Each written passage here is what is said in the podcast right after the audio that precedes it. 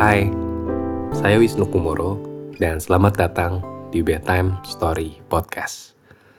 Dan saya di episode kali ini pengen bacain sebuah cerita yang udah dikirim oleh pendengar dari Bedtime Story Podcast ke bedtimestory at wisnukumoro.com dan ini ceritanya saya pilih karena uh, di antara email-email yang masuk ini dikirimkan oleh seorang laki-laki dan uh, bercerita tentang kehidupan profesional atau pekerjaannya. Jadi beberapa episode terakhir udah tentang percintaan, sekarang saya pilih yang tentang pekerjaan. Jadi biar nggak membosankan ya, biar topiknya agak berbeda, makanya saya pilih email kali ini. Jadi langsung aja saya bacain.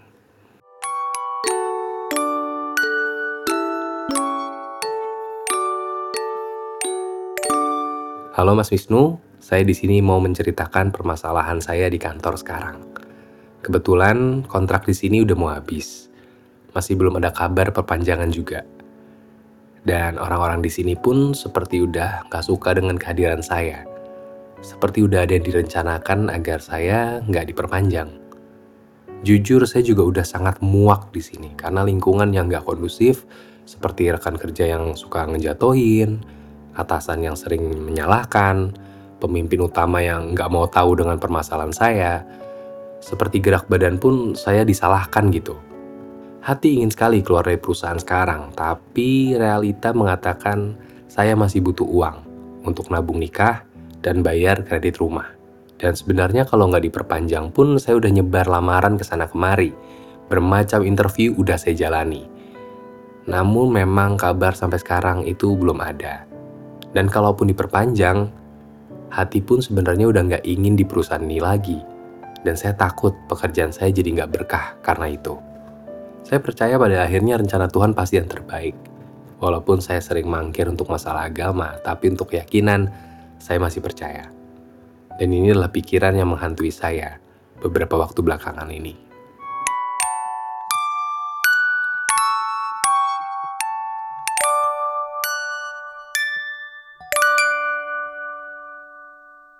Well, sebuah cerita yang saya rasa mewakili banyak orang.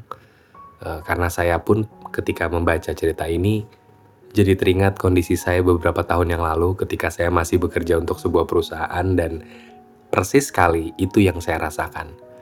E, merasa tidak ada dukungan dari lingkungan sekitar, merasa seperti kayaknya memang orang-orang lebih senang saya nggak ada merasa tidak dipedulikan oleh pimpinan dan ketidakjelasan mengenai kontrak kerja. Saya pun pernah mengalami itu.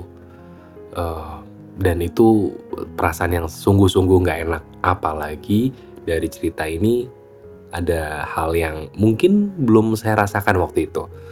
Tapi dia sudah rasakan, yaitu adalah dia butuh uang untuk menikah dan dia juga butuh uang untuk membayar kredit rumah. Dari karakteristiknya, ini adalah orang yang sebenarnya penuh perhitungan. Untuk bisa kredit rumah, berarti dia sudah ada perencanaan, sudah ada masa depan yang ingin diraih. Dan jika diibaratkan sebuah perjalanan, dia sudah tahu dia ingin ke mana.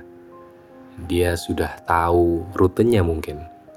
Tapi kendaraan yang membawa dia ke sana saat ini sungguh sesak, bau keringat, dan dia di posisi yang tidak nyaman sama sekali Lalu apa yang harus dia lakukan? Karena mungkin aja sewaktu-waktu dia terdorong keluar dari kendaraan dan jatuh. Syukur kalau ketika jatuh, dia tidak luka-luka. Bagaimana kalau luka-luka? Itu adalah kekhawatirannya kan. Um, ya, ini adalah kondisi yang memang sulit sih dan saya rasa uh, mayoritas orang dewasa saat ini pun merasakan hal yang sama. Ketidakjelasan di masa depan seperti apa dan ketakutannya seperti apa itu pun yang saya rasakan tiap hari. Um, saya hanya bisa mendoakan yang terbaik untuk sang pengirim cerita. Uh, semoga dengan mengirimkan ceritanya hatinya bisa lega. Dan kalau boleh meskipun dia tidak meminta saran saya kalau boleh saya memberikan saran. Pertama kalau masih punya orang tua minta restu ke orang tua tanyakan apa yang terbaik untukmu. Kenapa saya kasih saran seperti itu? Karena itu adalah hal yang juga saya lakukan dulu. Saya tidak bilang cara saya betul, tapi saya tidak menyesali sama sekali cara saya. Saya menghampiri ibu saya, saya menghampiri ayah saya, saya meminta restu mereka ketika saya mau resign PNS. Kondisi yang mungkin bagi sebagian orang itu adalah kondisi yang sangat bodoh, sangat mustahil dilakukan. Tapi saya merasakan itu, saya merasakan ini bukan saya, saya tidak merasakan kondisi yang kondusif untuk saya dan batin saya, dan saya merasa saya harus keluar dari sini. Dan ketika saya ada di kebingungan itu, saya menghampiri orang tua saya. Saya bersyukur orang tua saya masih ada. Saya bersyukur mereka mau mendengar meskipun mereka tidak langsung terima. Jelas ada perdebatan di situ yang keras sekali. Tapi pada akhirnya cinta orang tua ya sangatlah besar dan dari situ saya belajar mengenai kasih sayang orang tua. Marah yang mereka sampaikan itu bentuk kasih sayang, ketakutan yang sama tentang masa depan saya. Cuma bentuknya beda, bentuknya marah. Sedangkan kalau saya, ketakutan saya bentuknya adalah ya kegalauan. Kita semua sama-sama takut tentang masa depan, tapi bentuk ekspresinya berbeda.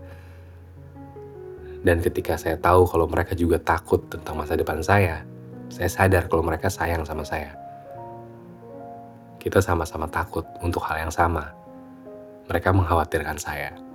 Cobalah berbagi keresahan itu bersama keluarga, siapa tahu menjadi doa tersendiri karena kalau saya lihat kayaknya yang bercerita ini sebenarnya meskipun dia bilang dia tidak terlalu dekat dengan masalah agama, saya yakin dia adalah orang yang religius kayaknya ya. Dan ini bikin saya teringat ucapan salah satu ustadz yang juga sebenarnya mirip-mirip lah secara value dengan uh, salah satu uh, ceramah dari biksu uh, yang pernah saya dengar juga. Jadi saya ambil value-nya saja.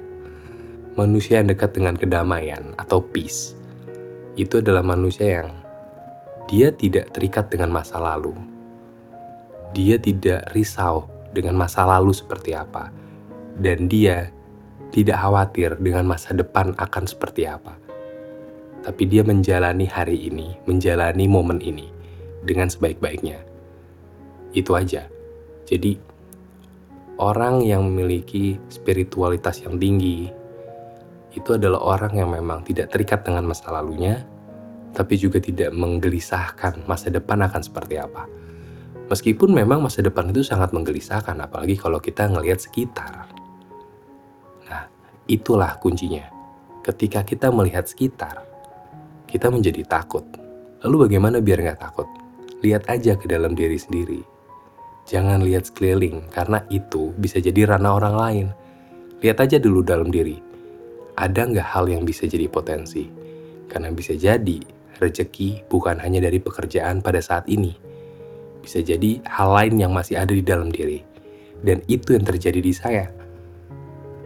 Saya dulu bergantung sama gaji tiap bulan. Sampai akhirnya saya sadar dengan saya bercerita, ternyata ada rezeki lain yang datang ke saya. Dan bahkan, mungkin tanpa kamu sadar, yang kamu dengarkan ini, ini adalah salah satu bentuk saya mencari rezeki.